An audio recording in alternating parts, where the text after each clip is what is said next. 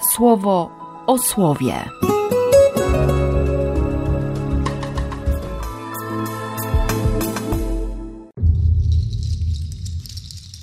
Czwarty lutego, czwartek. Z listu do Hebrajczyków. Podeszliście nie do dotykalnego i rozpalonego ognia, nie do ciemnej chmury i mroku, nie do zawieruchy, nie do grania trąb i głosu słów, po usłyszeniu których bronili się przed dalszym przekazywaniem im pouczeń. Nie wytrzymali, gdy im nakazywano, a choćby jakieś bydle dotknęło góry, zginie zabite kamieniami.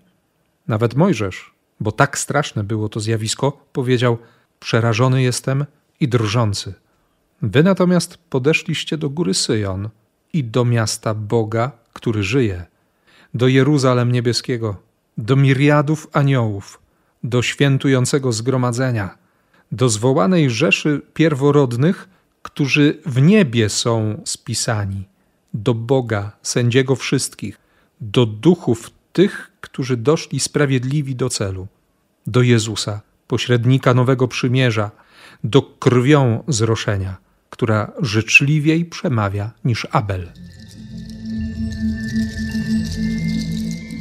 Z Ewangelii według świętego Marka. Przywołał dwunastu i zaczął wysyłać ich po dwóch, dając im władzę nad duchami nieczystymi. Zachęcił ich, by niczego poza samą laską nie brali na drogę, ani chleba, ani torby, ani pieniędzy w pasie. Załóżcie tylko sandały i nie wdziewajcie dwóch sukien. Mówił im jeszcze, gdy wejdziecie do jakiegoś domu, tam się zatrzymujcie, aż odejdziecie stamtąd. Jeśli jakieś miejsce nie przyjmie was, ani nie będą chcieli was słuchać, odchodząc stamtąd, strząśnijcie proch ze swoich stóp, jako świadectwo przeciw nim. Poszli i wzywali do nawrócenia. Usuwali też wiele demonów i namaszczali oliwą wielu chorych i przywracali im zdrowie. I kolejne nawiązanie do historii Izraela. Choreb i Synaj, Syjon i Synaj. Spora różnica.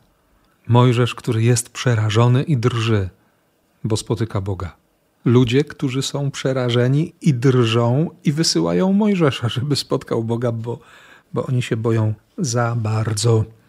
Tak przerażające, tak straszne było to zjawisko. I ono w sumie przeniosło się potem z Synaju na Syjon. Wybudowana świątynia i ten lęk arcykapłana, który wchodził raz w roku, nie? w Jom Kippur, cały przerażony, z rękami unurzanymi we krwi kozła, z tą niemą prośbą na ustach: weź mnie, nie zabijaj, bo, bo już zwierzę straciło życie. Przychodzi Chrystus, składa nową ofiarę, jedną, do której nie trzeba już nic dołożyć, i wszystko się naprawdę zmienia. Dzisiaj rano znów pomyślałem sobie o tym, że, że rozpoczynam Eucharystię i wchodzę w tę tajemnicę Paschy Jezusa. Jestem tam, mimo że jestem też tutaj. I nagle to przerażenie, te wszystkie lęki i strachy ustępują wobec, wobec prawdziwej miłości, która zabiera lęk. Bóg, który żyje, niebieskie Jeruzalem, świętujące zgromadzenie z miriadami aniołów, Jezus, pośrednik nowego przymierza. I to zroszenie krwią, która życzliwiej przemawia niż Abel – nie muszę wchodzić z lękiem, jak arcykapłan, i pokazywać dłoni, że tak, one są już we krwi. Tylko staję pod krzyżem, zostaje obryzgany krwią Chrystusa i ta krew nie krzyczy o zemstę, tylko mówi o przebaczeniu. Jest prośbą o przebaczenie. Przemawia życzliwiej, woła o miłosierdzie. I mam też w sobie głębokie przekonanie, że właśnie o to chodziło Jezusowi, kiedy wysyłał apostołów. Święty Marek nie mówi nic o tym, jak mają głosić i co mają głosić, tylko zaznacza, że Jezus dał im władzę nad duchami nieczystymi. Mieli odsłaniać prawdę i mieli ogłaszać życie, bo diabeł jest ojcem kłamstwa i jest zabójcą od początku. A że już trochę poznali Jezusa, doświadczyli cudów, znaków, wskrzeszeń, uzdrowień, posłuchali też tego, co ma do powiedzenia na temat Królestwa Bożego i przede wszystkim widzieli, jaką ma relację z Ojcem. No dopiero co był u siebie, nie? był w Nazarecie. To idą i wzywają do nawrócenia, do, do zmiany myślenia. Odzierają z wygodnej religijności i dają świadectwo relacji.